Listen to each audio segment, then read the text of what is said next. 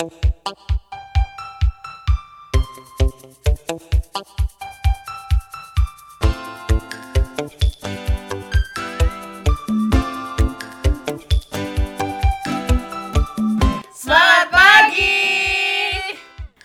datang di Bimbel episode 10. Di mata pelajaran hari ini, kita bakal ngomongin perkembangan teknologi dan pengaruhnya di hidup kita. So, without further ado, let's discuss.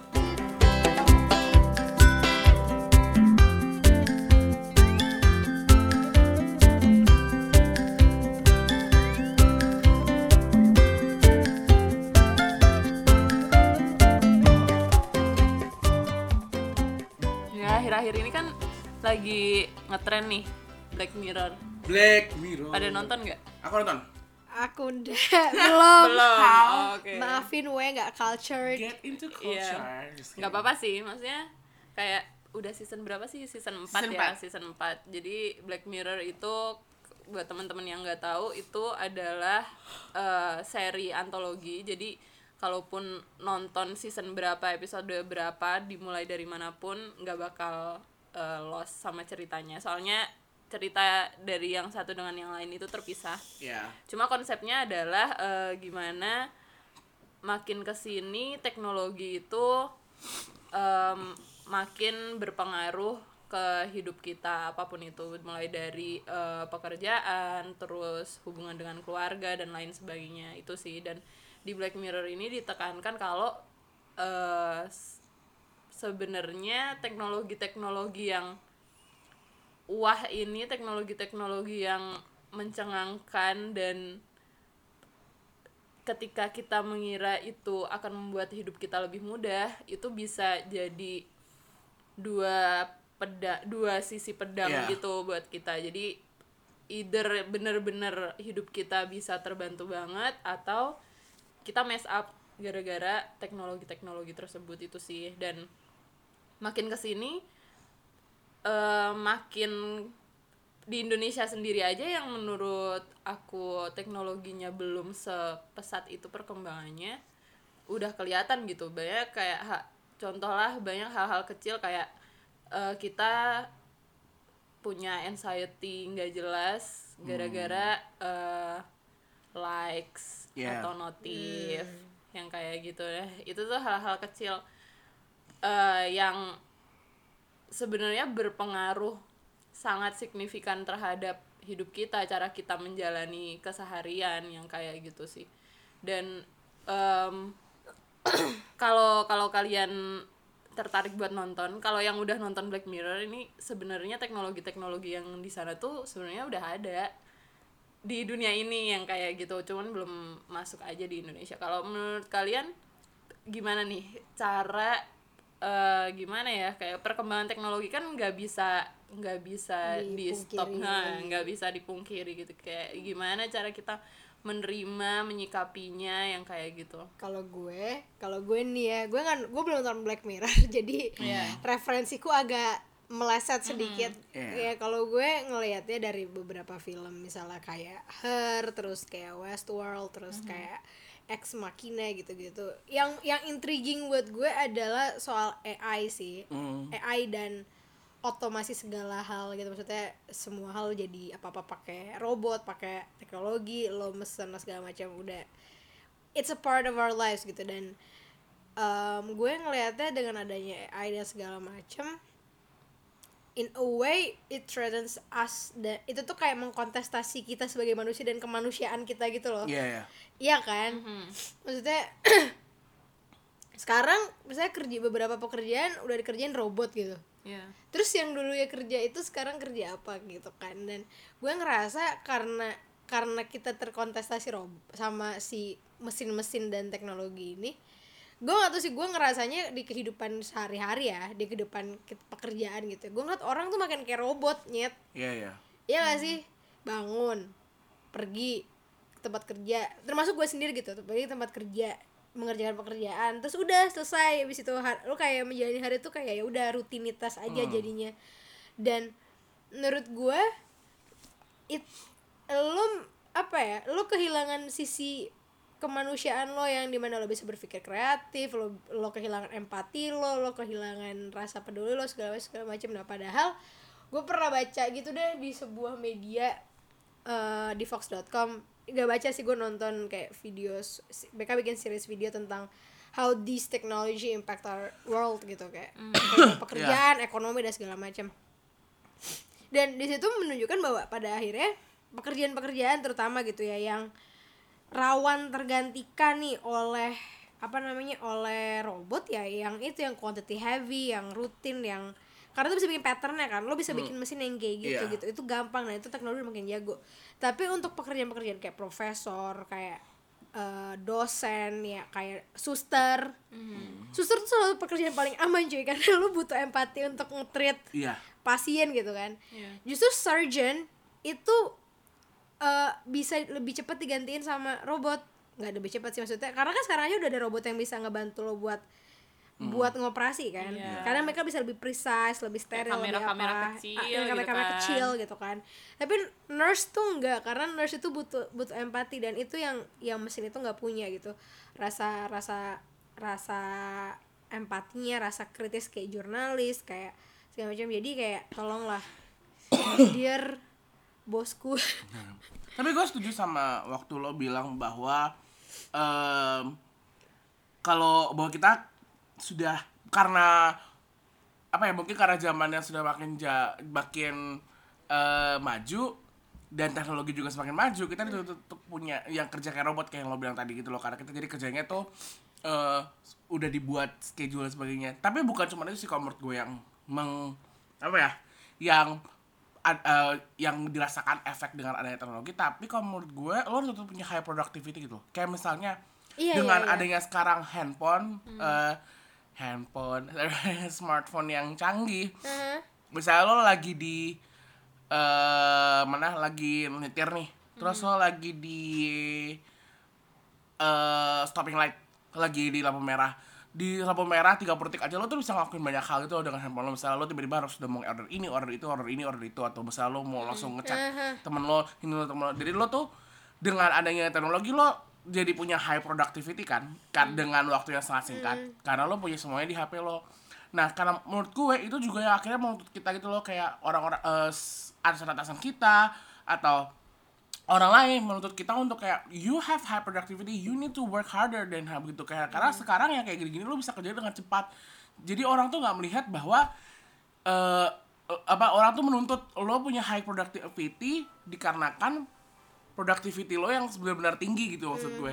Benar-benar tinggi karena di ada di adanya pa- eh, di adanya eh, aplikasi-aplikasi di handphone aplikasi-aplikasi di smart eh, di berbagai gadget lo. Itu yang menurut gue jadi salah karena lo nggak bisa nuntut semua orang punya productivity yang sama gitu loh maksud karena gue ada proses kayak ada prosesnya prosesnya, gitu loh menurut aha. gue dan itu menurut gue terasa banget sih tapi gue juga yang gue rasakan dengan teknologi adalah betapa kadang-kadang kita tuh sudah merasa semua diotomasi diotomasi ya Hmm. sampai lo tuh nggak apa ya lo tuh nggak melihat bahwa hal-hal yang bikin lo gampang meng, yang hal-hal yang pernak-pernik di gadget yang sebenarnya menyulitkan atau ini tuh nggak sering banget sih. Sebenarnya itu adalah kebebasan loh misalnya. Kemarin gue kepikiran gitu loh kayak gue kemarin bikinin nyokap gue email baru. Dan biasa kan kalau Gmail tuh lo buka pertama kali pasti lo kasih tahu kayak eh, ini ada tutorialnya gitu loh. Padahal gue udah tahu tapi ada tutorialnya kan. Dan gue sempet kayak ini Google tuh nggak ngelihat apa ya kalau di laptop yang sama ada gu- ada email gue ada email siapa jadi ini kita tuh bukan pertama kali pakai email gitu maksud gue. Kenapa nggak mereka bikin algoritma yang ngelihat bahwa oh komputernya pakai ada email tutorialnya nggak usah ada aja sekalian karena dia cuma bikin email baru doang. Terus biar gue nggak usah nggak usah skip skip gitu loh ngeliatin gitu karena kadang-kadang annoying juga kan karena kayak gue udah ngerti. Tapi setelah gue berpikir lebih jauh kayak main privacy lo dengan melakukan hal itu lo mengizinkan mereka tuh melihat privasi lo. Kayak oh udah Iya. pernah punya email lo pernah punya email. Jadi kadang-kadang tuh kita merasa semua hal harus diotomasi sampai ke hal-hal terkecil padahal hal terkecil itu freedom lo sebenarnya. Lo lagi melakukan you are exercising your rights of freedom your right for privacy. Tapi karena lo ngerasa itu annoying lo mau otomati otomasi Ah, semua itu lo lo pada- bisa ngeliat ini apa gitu ah. Iya dan menurut gue itu juga itu juga poinnya di sini adalah menurut gue kadang-kadang kita lupa bahwa itu tuh adalah kebebasan. That's the kind of freedom that you, you have as much as annoying as it is it protects your freedom. Kedua adalah jangan sampai eh teknologi itu ada bukan untuk assisting lo atau helping lo lagi tapi controlling you gitu maksud Iya, gue iya, iya. itu yang serem sih. Kayak I think the common thread in every Black Mirror episode is when the technology itself the system as they always said is controlling you, not assisting you. But it gives you an illusion of assisting. Kayak semalam gue nonton Hang the DJ. Eh, final kedua kalinya sih. Dan waktu gue nonton Hang the DJ itu ngomongin soal how the system eh, helps you, helps lo tanda kutip, untuk lo mencari pasangan. Misalnya with Tinder, dan kayak dia kayak Tinder gitu kan bentuknya.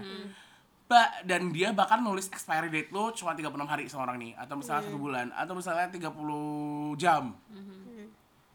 S- it it gives an illusion that you have the control by oh I'm obliging to this. But at the same time no you're not. You're actually being controlled by the system not Yeah. assisted by the system. Which the minute that it becomes blur you need to be careful and sesimpel begitu lo seharian cuman ngeliat insta stories doang Iya, it controls that's you. not assisting you anymore. It doesn't give you an insight of someone's life. It controls you to wanted to always know what someone else is doing. Kayak gue juga menurut gue kalau Black Mirror itu kan terlalu scientific ya. Maksudnya terlalu sci-fi. Iya. Kalian udah pernah nonton Ingrid Goes West belum? Pernah, pernah, pernah. Damn, that Belum. Ya. lo cuma nonton deh. It's Aubrey Plaza, it's Elizabeth Olsen. It it it's like it's a Black Mirror episode, but more grounded. Dan dia ngomong cerita, dia cerita film ini soal gimana orang ini tuh sebenarnya punya Obsessed. melani, dia punya obsessive nature dan udah pernah di uh, Eh, ya punya kayak- mental health lah, punya eh, mental health issues. issues. Tapi dia gunain Instagram supaya dia ngerasa punya temen dan sebagainya. Dan dia tuh nge-stalk yang satu orang ini dia dia berubah pengen berubah jadi dia dia pengen di like sama dia. Ngebandingin gitu ya gitu, jadinya. dan lo- dia jadi berusaha invade kehidupan orang ini supaya dia bisa masuk ke feednya dia atau bisa jadi teman baiknya dia supaya dia likesnya juga banyak gitu. That obsessive nature itu maksud gue itu juga menurut gue adalah satu satu ciri satu apa ya? Satu kejadian yang sangat nyata sekarang bahwa kayak as much as you think that you're using Instagram for fun, you're actually being controlled by the quantity of numbers and likes, followers. Uh, jangan dan itu jangan sampai kayak that Black Mirror episode that you mentioned already uh, waktu itu sur yang soal Iya, yang that orang your likes, your ratings Yeah. is how it's a social, it becomes a social Standard. currency gitu maksud gue. Dan itu sudah mulai terjadi bahwa oh how many followers you have, you're instantly a celebrity because you're lo nggak punya talent Oh apa pun. bahkan bahkan gue sempat cerita sama temen gue jadi eh, temen gue ini mau mau apa namanya mau audisi gitu buat film terus dia nggak diterima dong gara-gara apa followersnya kurang Oh, oke. Nggak Iya. usah gitu komunik kalau lo apply soal social media community relations, Hah? lo ditanya follower lo berapa. Oh, oke. Se- Kalau lo bisa bawa follower, lo bakal punya chance yang lebih besar. Kayak, are you shitting me right Itu now? udah jadi standar ya. Udah jadi sekarang. standar sekarang. So I think that it's scary to think that your actual quality of a person Yeah. can only be can only be seen through big data gitu loh. Itu apalagi orang sekarang ngomongnya big data, big data, big data, big data, big data. Like Yeah. I've Iya, dan- I've listened it so so much, I wanna die. ya dan itu yang kayak gue oh shit man lo nggak lo nggak menikmat apa ya lo melihat manusia tuh jadi kayak cuma numbers yang ada di di yang tadi ya di big data dan di Iya. di, di di digital platforms itu lo nggak lo lo menisbikan manusia sebagai makhluk dengan berbagai dimensi kalau orang-orang yang emang nggak Iya. aktif di berarti kan kayak Iya. nggak aktif di social media dan kayak gitu. Iya sih bener tadi kayak ya saya bilang eh, kita sekarang harusnya teknologi itu diciptakan buat sebenarnya membantu kita kan cuman makin ke sini kita jadi dituntut juga kayak biasanya kamu sejam bisa contoh lah wartawan kamu sehari eh, ngasilin dua tulisan cukup gitu kan Iya. misalnya dengan kualitas yang bagus gitu. Sekarang udah ada ukurannya kayak harus kliknya berapa paling nggak targetnya eh, orang yang baca berapa lama di artikel itu yang kayak gitu. Dengan waktu yang sama eh, tuntutannya jadi lebih besar. Gara-gara apa? Sekarang kayak eh, kita bisa ngubungin narasumber pakai handphone kita bisa ngutip apa pun lewat Twitter yang kayak gitu jadi eh, emang konsepnya tuh makin ke sini ketika teknologi makin digunakan angka tuh makin berpengaruh di hidup kita contohnya Iya. kayak kita jadi eh, anxiety sendiri ketika em, aku tadi baca artikel di Masabel kalau em, anxiety tertinggi kita itu datang dari angka dan terutama dari persenan baterai di handphone sama notifikasi yang kayak Ya. gitu kan. Jadi ketika ketika contoh lah kita lagi kena macet di tengah jalan terus eh, HP kita 20% 10% gitu misalnya kayak pasti kita udah ngukur kayak aduh nggak nggak boleh buka aplikasi ini tapi harus eh, nge-spare buat gini gini gini yang kayak gitu kan. Kita kita udah udah s- apa pun bergantung pada angka itu. Padahal kalau eh, kita teliti lagi kita amati lagi kayak sebenarnya kita nggak butuh loh setiap hari buka Instagram ngecek Instagram ngecek sosial media. Ketika kita nggak butuh padahal sering kan kayak kita nggak ngapa-ngapain buka sosmed ditutup lagi buka lagi ditutup lagi yang kayak gitu kan. Jadi bener-bener em, hal-hal yang teknologi tuh makin ke sini jadinya mengubah hal-hal yang sebelumnya sebenarnya nggak bisa diukur jadi apa-apa ada standarnya gitu loh. Apa-apa jadi dipandang dengan angka yang kayak gitu sih. Nah kalau kalau gue gue di sini kita yang karena kita nggak bukannya kita anti teknologi ya kayak gue seneng banget itu dengan dengan segala perkembangan yang ada. Cuma gue ngerasa how teknologi itu apa perkembangan teknologi itu dipersifnya dengan cara yang tidak sepenuhnya bijak gitu. Misalnya kayak kayak internet terus eh, social media big data and everything gitu kan. Di, itu dimonotasi dengan dengan tadi dengan kuantitas gitu kan. Kayak Ya. likes segala macam segala macam. Dan sekarang tuh algoritma bekerja semakin gini. Mau itu di postnya udah 2 juta tahun yang lalu kalau klik saya ke Instagram post dua hari yang lalu bisa tetap muncul di di feeds gue di Ya. awal ya kan? Karena dia misalnya banyak likes ya atau karena gue suka buka akun itu gitu. Iya.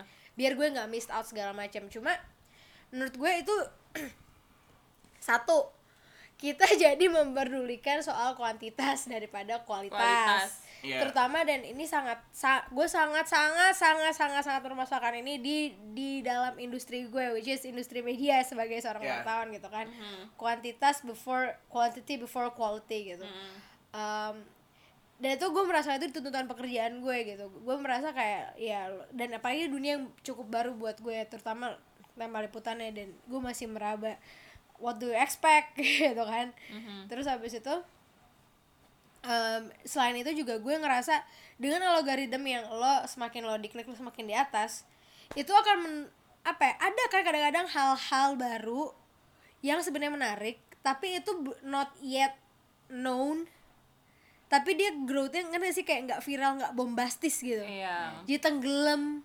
Iya. Karena yang like saya banyak ini akan naik naik naik naik naik naik ke Kefilter atas. sama Kefilter algoritma sama itu. algoritma itu. Dan itu sih menurut gue kayak wow it's controlling what you have to read Iya. what you have to see iya sih what you have to listen jadi emang maksudnya kayak apa pun sekarang udah smart gitu kayak smartphone smart home everything becomes smart dan penggunanya pun jadinya harus Lebih smart lagi. Iya lebih gue smart bilang. lagi seperti itu. Jadi kayak ketika eh, contoh lah kemarin tuh ada konferensi eh, teknologi gitu kalau kalian ngikutin namanya CES 2018. Hmm.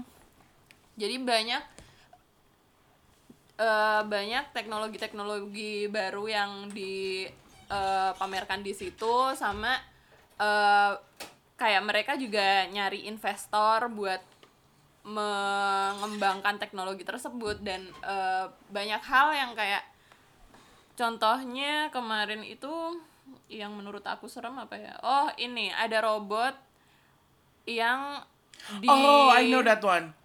apa coba Yang robotnya mukanya cewek banget bukan sih? Oh iya itu ada, cuman ada lagi ya. Jadi robot ini tuh diklaim eh, bakal jadi sahabat terbaik anak dari umur berapa sampai umur berapa gitu. Jadi em, kenapa robot ini diciptakan gara-gara pertemanan sekarang tuh nggak sehat gitu loh kayak ada bullying dan sebagainya nah si robot ini tuh berperan untuk memberikan lingkungan pertemanan yang baik dan eh, mengasah motorik anak seperti itu. Dan kemarin tuh aku baca-baca artikelnya ad- banyak juga artikel yang eh, nge-trigger mempertanyakan ini tuh eh, bagus atau menyeramkan Iya. sebenarnya. Kayak ini buat anak kecil loh yang kayak gitu. Dan itu maksudnya itu udah udah terjadi Tapi itu borderline creepy Nah, banget sih. iya, apakah pertanyaannya adalah apakah orang-orang siap dengan perkembangan teknologi tersebut? Apakah orang-orang bisa bijak dalam em, menerima dan menggunakan teknologi-teknologi tersebut? Soalnya itu tadi balik lagi kayak eh, mata pedang aja kalau digunakan dengan baik dengan bijak ya bakal bener-bener memban- membantu produktivitas kita dalam keseharian. Kalau enggak ya itu tadi kita jadi eh, obses kita jadi Iya. malah kitanya yang dikontrol yang kayak gitu. Malah kita eh, makin ke sini makin kehilangan sense of humanity yang kayak gitu loh. Kemarin pada tahu gak sih yang soal robot dari aduh gue lupa tapi namanya siapa pokoknya dia dianugerahi citizenship dari Arab cuy dan dia bener-bener kalau lo aja ngobrol kalian cari ya ini oh kemarin yang gue yang cewek I get cewek. why you have have to give them the citizenship.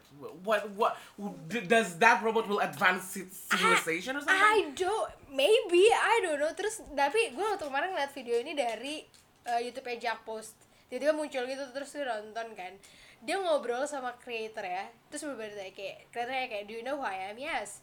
You are my you are the one who made me. Gitu. Yes I'm one of your creators. Ya terus kayak dia bilang um, "Ah," dia dia bilang kayak ada certain memories yang ada di dia tapi dia nggak bisa inget banget itu apa.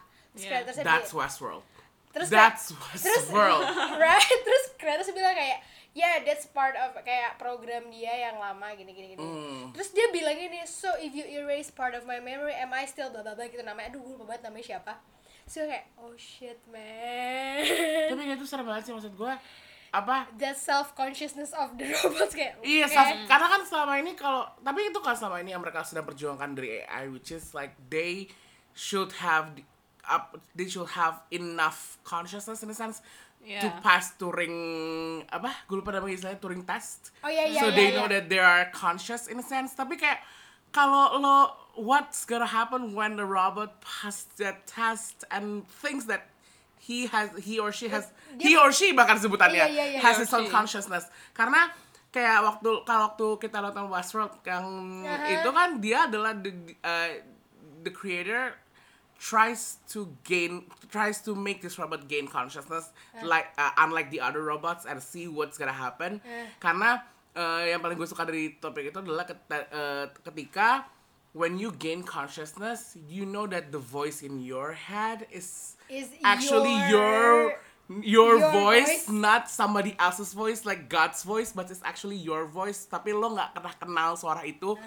And when an AI reach that level of learning consciousness what's going to happen I don't know nggak tahu itu kan serem banget Iya. but dan itu kayak mempertanyakan kita sebagai orang juga gitu loh kayak are we have that kind of consciousness yeah, yeah, Yeah. oh yeah that's philosoph it becomes Mm-hmm. philosophically and we're down that existentials yeah like a massive existential crisis then. Mm-hmm.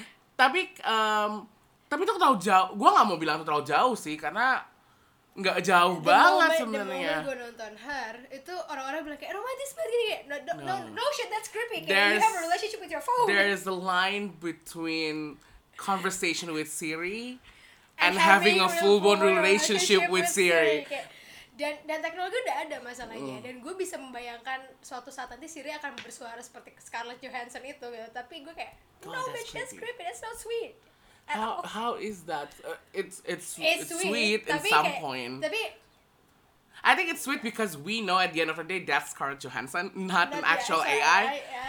tapi again kalau menurut gue tapi gue nggak mau bilang itu kejauhan sih karena itu sebenarnya nggak kejauhan banget kan kalau dipikir-pikir it's it's in the it's kita tuh it's, ada di pace teknologi perkembangan teknologi itu tuh kayak Iya. udah secepat itu gitu iya iya iya. something that we never think of tuh kayak tiba-tiba ada gue suka banget sama campaignnya Samsung nih sorry banget Yang mana? yang dia bilang Ini kayak berbayar ya "This- Samsung. Samsung yang pokoknya dia campaignnya tuh the new normal jadi kayak anak-anak sekarang buat How? mereka virtual reality is normal for us is something that is groundbreaking I actually never tried virtuality because it creeps me out in a sense. ya Tapi tapi maksud gue kayak gitu loh kayak buat sekarang tuh orang udah punya that kind of new normals kita Hmm. yang kita aja masih punya sisi yang lain i- the new normal, that's kind of weird. But at the sense, tapi maksud gue, uh, when we talk about AI, we like gue sampai sekarang masih rasanya oh itu masih jauh lah ya. But how technology going faster and faster every day makes you think that kalau gue sih yang masalah gue yang paling sus yang paling konkret sekarang adalah well we need to we need to accept the fact that we are kita bertiga ya in some ways are privileged. In a sense that we acknowledge that this happened we acknowledge that this is this needs a lot more careless uh, carefulness when it comes to dealing with AIs with dealing with technology with dealing with this this and that. But how are we going uh, how are we as a society needs to educate the ones who are not as privileged as we are? Ya untuk bilang bahwa you need to be careful I'm not saying you need to be careful. You need to be literate in a sense. You need to be wise. You need to be wise to think about it. Karena lo nggak pernah berpikir gue nggak pernah berpikir bahwa Sesim- handphone smartphone akan menjadi bukan lagi tersier tapi udah sekunder. Sepa seperti ya kayak sebenarnya sesimpel orang punya social media how this which information Iya. should they kayak gitu kan. Iya. But uh, and as tapi itu kan bentuk jadinya semacam demokratisasi teknologi kan bahwa Iya. semua orang semua Bisa kalangan bisa menggunakan. menggunakan. Iya. Tapi masalah gue bukan di masalah demokratisasi tapi masalah gue adalah gimana tapi itu whole another issue sih kalau menurut gue karena, Iya karena sih. itu ada hubungannya sama pendidikan dan segala macam segala macam Ya, ngerti kan Iya, iya. iya. tapi itu udah nggak bisa sema, se, se, se- apa ya se kita berpikir oh itu masih bisa dijalankan lah masih adalah dua tahun tiga tahun kita nggak pernah tahu kecepatan teknologi kita nggak gue gue kayak lo nggak gue nggak berpikir bahwa akan terjadi tiga tahun setelah dia keluar dari film itu ngerti nggak maksud gue tapi the fact is That's that right. kind of AI talking to you is going to Iya. happen soon and it's Orang not nikah It's sama robot aja udah ada Iya kan? gitu. And the Black Mirror episodes, the thing about Black Mirror is to me dia tuh nggak mencoba terlalu berfantasi gitu nggak. Dia cuma Iya. kayak let me give you two or three years after this with the Iya. pace of technology that we see and see what's going to happen and what's going to change. And again, the common thread of it all is when when we as a person as a human stop thinking that this is helping us this is still helping us without thinking that this is actually controlling us gitu dan, dan gue. menurut gue gini sih dengan dengan segala perkembangan teknologi kita kadang mel- melupakan tadi sense of humanity kita gitu loh hmm. karena ada teknologi yang menjaraki kita. Ya ya. Ya kan? Kayak chatting terus kayak apa namanya that ease of apa ya kayak rasa kemudahan lo ketika dari cari pacar dengan Tinder segala macam mencari- maksudnya cari cari dates terus lo mesen Gojek segala macam lo kehilangan momen ngobrol sama supir angkot sama ngerti gak sih? Kayak itu mem- membatasi social interaction karena lo lo butuhnya dan karena lo butuhnya cepat iya iya itu yang bikin kita bikin kita kayak jadi lupa akan Iya, iya. manusia Iya, iya. I think that little interaction Oke, that kalau we try gue tiap ngomongin soal AI dan teknologi kayak gue selalu kayak jadi kita ini apa sebagai manusia? What is Iya. humanity? because our interaction is not face to face anymore, Mm-hmm. which is what we used to think it's primarily is communicating. It's slowly shaving away from us. One. Kedua adalah voice. Ya. We're just doing text now. As much sampai gue baru tahu ada fenomena bahwa orang sekarang udah ngetok pintu atau ngedoorbell, Iya. Ya. but you text. Iya kayak gue depan. Sebenarnya Dan- itu dulu SD aku masih loh yang kayak Surya di rumah Surya Surya yang kayak gitu tuh masih Now we're nggak ada. text and we're phoning ourselves kayak gue di depan rumah nih nggak bisa ngetok-ngetok lagi gitu Iya. loh bahkan ketik bahkan teman gue ada yang kayak uh, teman gue ada yang bilang kayak gue malah anxiety kalau ada yang ketok-ketok rumah gue atau ada yang ngering doorbell gue karena ya biasa aja selama ini orang-orang selalunya cuma langsung SMS atau eh, text atau gitu telepon kan. gitu loh dan itu serem gak sih karena kan Iya. sebenarnya itu biasa aja sebenarnya tapi when it becomes anxiety that means there is a problem with how we perceive human interactions iya. Iya. traditional interactions di eh, yang it used it used to be very apa ya biasa aja suddenly buat kita sekarang sangat bikin kita Triggering gitu Iya, loh. kita cautious Iya. Jadi ada banyak dramatisasi kan jadinya. Contoh lah kayak pak- pakai balik lagi pakai Instagram gitu mungkin. Kayak dulu kita temenan ya udah temenan gitu kan. Ketika sekarang ada tolok ukur follow-followan tadi kayak ada banyak hal-hal kecil yang bisa jadi masalah gitu loh. Contohnya kayak aku sama Suli nggak follow followan di Instagram. Kayak Suli ngefollow aku tapi aku nggak ngefollow back. Kayak ini kenapa Surya nggak ngefollow back? Itu kayak loh gitu kan. padahal Hal-hal bisa aja kayak itu gue punya banyak temen yang teman baik gue dan gue gak follow. Not because gue nggak mau temenan sama dia atau gimana fit dia biasa aja men gue gak suka Nah, ngeliatnya iya, gitu iya, maksud gue jadi gue ngeliatnya ta- tuh pikir itu bukan kayak jadi like social person. currency Iya, sekarang masa gitu sih kayak gitu deh. Gue udah kehabisan kata-kata. But so, but poinnya adalah sekarang we already analyze the problems, we already seen the problem. How, How do, do we, we- as a person? I'm not saying that we as a citizen, we as a community, As a we as a person tries to filter ourselves one, or B try to protect ourselves, or try to be alarmed. Ya, kalau menurut gue itu sih kalau gue ada kalau gue menurut gue salah satu hal yang kita sudah tidak bisa batasi dan ini udah nggak di generasi kita doang generasi orang tua kita yang sekarang udah ngerti pakai WA misalnya. Mereka juga sekarang udah terpaku sama screen gitu loh maksud gue. Iya, dikit-dikit How- update di iya WA. kan? How do we as a person punya consciousness yang lebih untuk mengatakan bahwa this is a technology that assist me helping me not controlling me so much. Gitu Yeah. Uh, what do you do as an individual?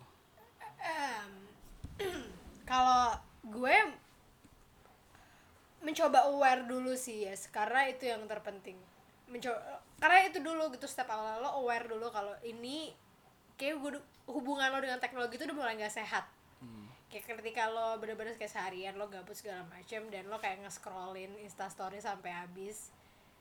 Jam ya nggak sih? Atau kayak ketika lo udah apa ya? Pokoknya ketika hubungan lo dengan teknologi itu sudah sangat tidak baik gitu. Udah nggak sehat lah. Hmm. that's your red flag kalau menurut gue ya. Menyadari hal itu dulu. Kayak lo dikit-dikit sharing apa sharing apa di di Facebook atau, kayak yang di Good Goes West kayak lo yang literally obsesif sama orang dan lo mencoba menjadi orang itu Iya ya. Hmm. Kalau aku sendiri sih lebih pokoknya balik lagi mikir kalau teknologi apa pun itu sesederhana apa pun itu secanggih apa pun itu tujuannya diciptakan untuk mempermudah kita untuk meningkatkan produktivitas kita yang kayak gitu ketika kita udah nggak produktif gara-gara hal itu ya itu ada yang salah di situ bahkan di Black Mirror aja eh, ada aku lupa episode berapa season berapa. Cuman eh, ada cerita eh, tentang ibu yang monitoring anaknya pakai chip. Our angle. oh Archangel benar benar. Nah itu ada part di mana si ibu ini akhirnya konsul dengan psikolog gitu dan psikolognya bilang ya matiin aja. Itu teknologinya itu. Biarkan eh, anak anda belajar dengan normal berinteraksi dengan normal jangan dibatasin yang kayak gitu.